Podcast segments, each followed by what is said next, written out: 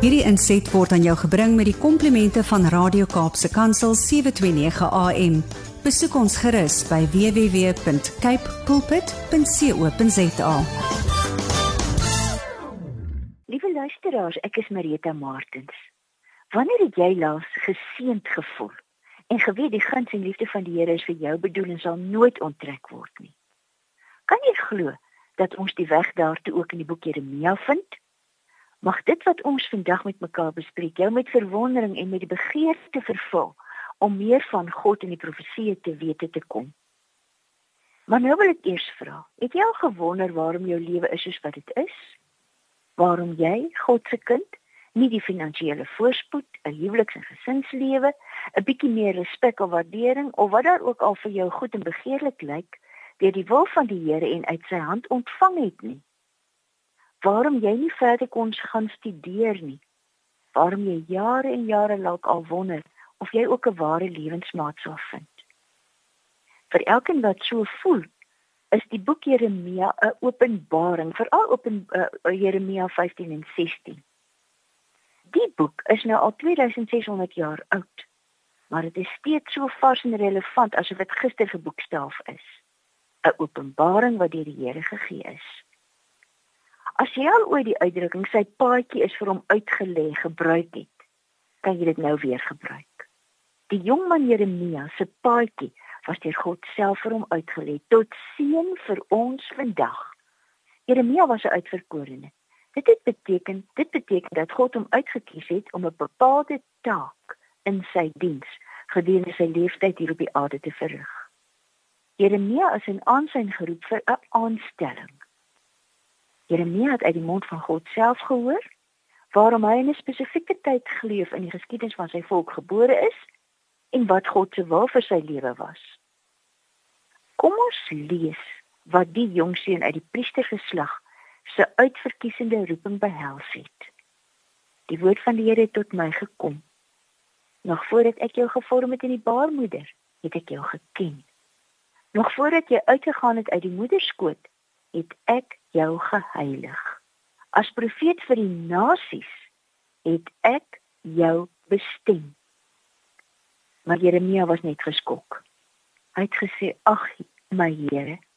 Ag my Here, die Here, met ander woorde, ag my meester. Ja, weet ek weet nie hoe om te praat nie want ek is nog 'n kind." Hy vertel verder, maar die Here het vir my gesê: "Moenie sê ek is nog 'n kind nie, want nou wie ek jou ook al stuur, moet jy gaan." En wat ek jou ook al beveel moet jy sê. Jy moenie vir hulle bang wees nie, want ek is by jou om jou te red. Toe die Here sy hand uitgesteek en my mond aangeraak. Die Here het vir my gesê: "Kyk, ek lê my woorde in jou mond. Let op, ek stel jou vandag aan oor nasies en koninkryke om uit te ruk, met ander woorde om met God se woorde uit te ruk, om te gronde te laat gaan, om met God se woorde te gronde te laat gaan." En plat te slaan om te bou en te plant.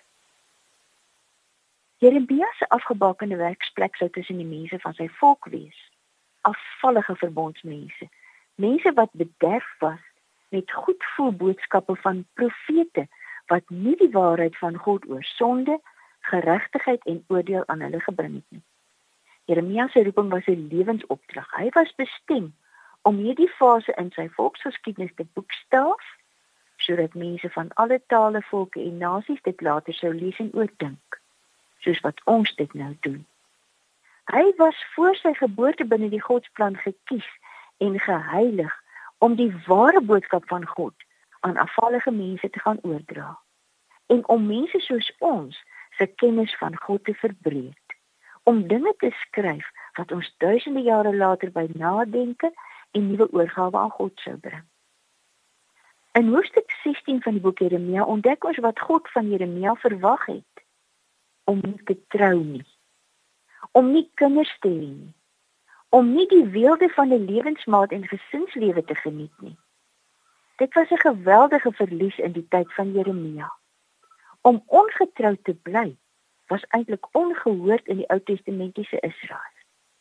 Ou jong kerels, alleenloper mans was 'n vreemde verskynsel, die totale uitsondering. Hy het die Here verbied om huweliksonthale en begrafnisse by te woon. Hy sou sy lewe lank totaal onnatuurlik in aanhalingstekens moes leef. En daarom hoor ons Jeremia dikwels kla. Ek kon nie sit waar daar gesels en gelag word en dit saam geniet nie. Eet my in besit geneem en ek moes alleen sit, vol van die verontwaardiging wat van u afkom. Waarom is daar nie 'n einde aan my pyn nie? Waarom is my wond ongeneeslik en wil ek nie gesond word nie? Ek kan nie op u reken nie. Net so min soos op 'n stroom wat nie standhoudend is nie, maar God sy opdraggewer. God wat homself aan die mens wil openbaar en Jeremia daartoe wil gebruik. Weet hoe noodsaaklik die boodskap is. Hoe kardinaal belangrik. Valse profete het veel goed boodskappe verkondig. Die mense van Juda moet hoor dat hulle hulle moet bekeer. Hulle moet die uitnodiging van God hoor en as hulle hom gehoorsaam en sy uitnodiging aangryp, wil en sal hy 'n ramp van hulle afweer. Die grootste ramp wat hy as God van geregtigheid oor hulle moet en laat gaan en gaan laat kom. God sê nie eers jammer Jeremia, ek sal dinge nou vir jou makliker maak nie.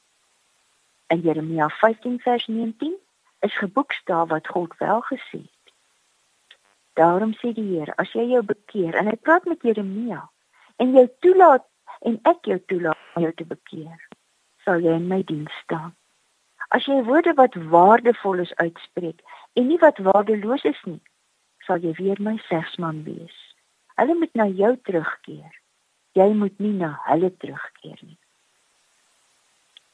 Die teoloog Jong uh, John Bright skryf oor Jeremia 15 en 16 dat dit nie klink as Jeremia ooit regtig die pyn van so onnatuurlike lewe kon afskud nie.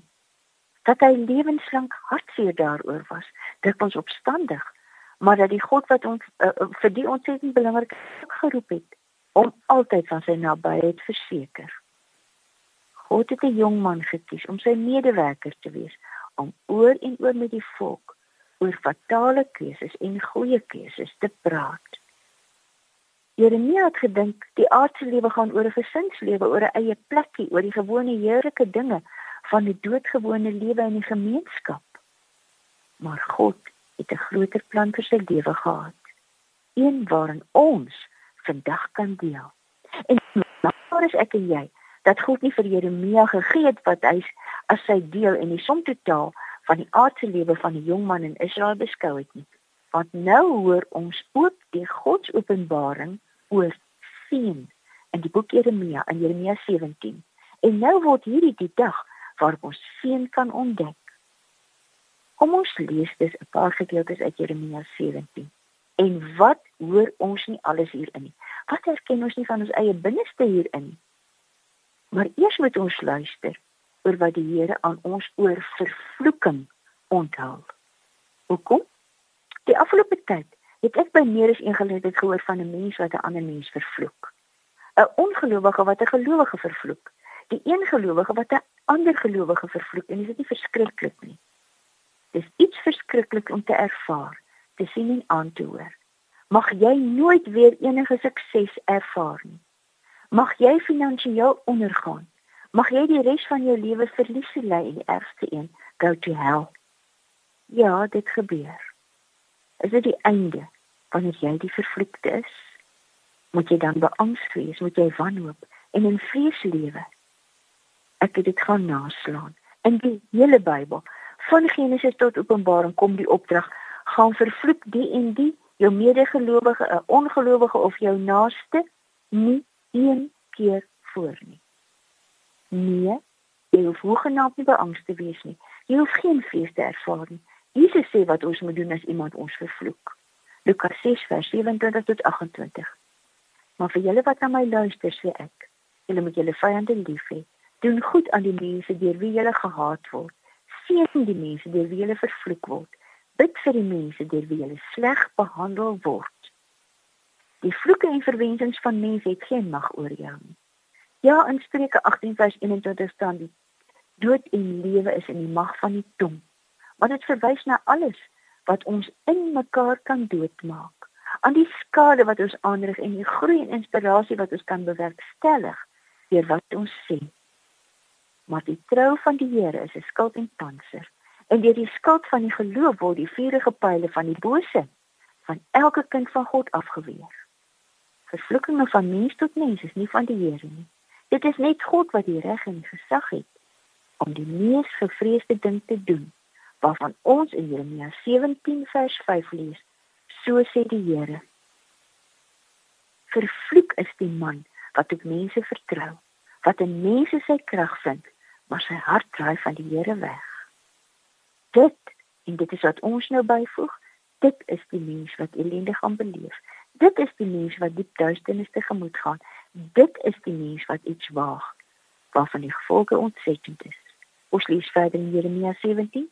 Jy sal weer jou eie toe doen. Die grond moet laat lê wat ek jou gegee het.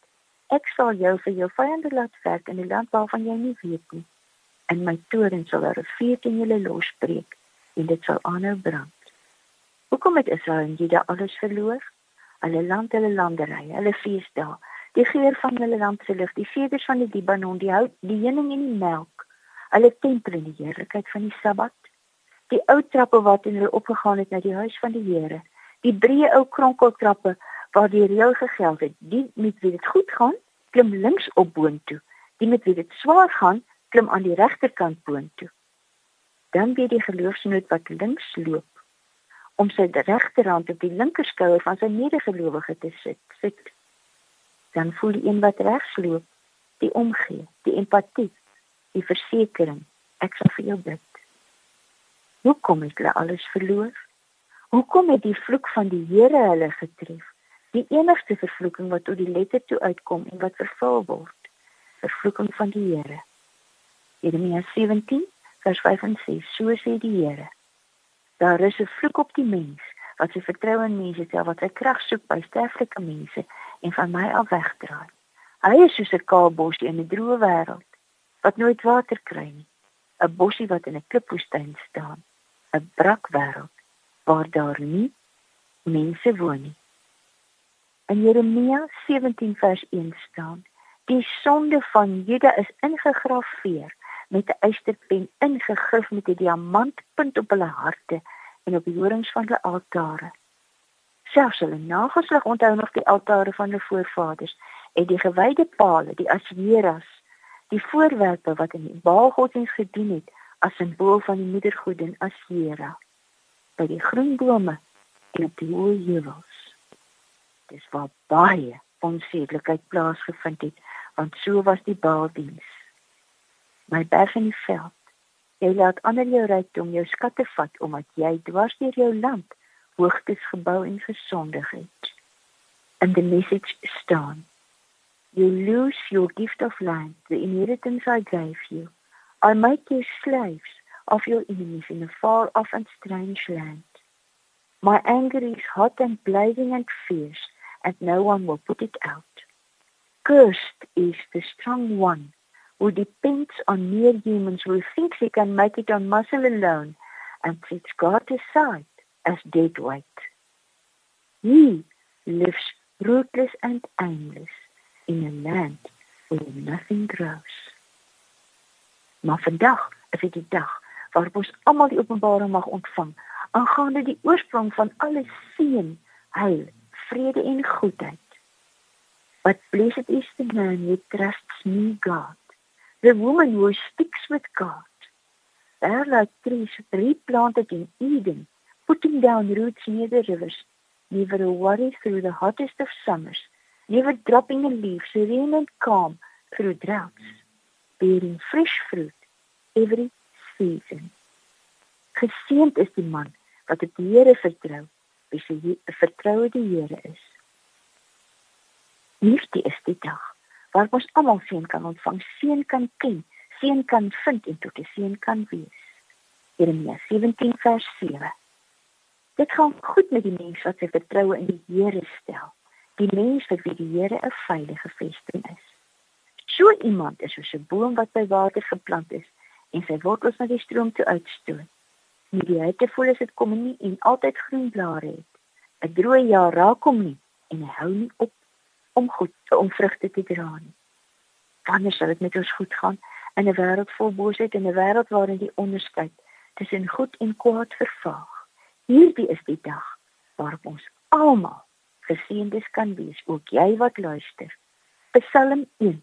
Dit gaan goed met die mens wat nie die raad van goddeloses volg nie, nie met sondaars omgaan en met ligsinnige saamspan nie, maar wat in die woord van die Here sy vreugde vind. Dit dag en nag oordink.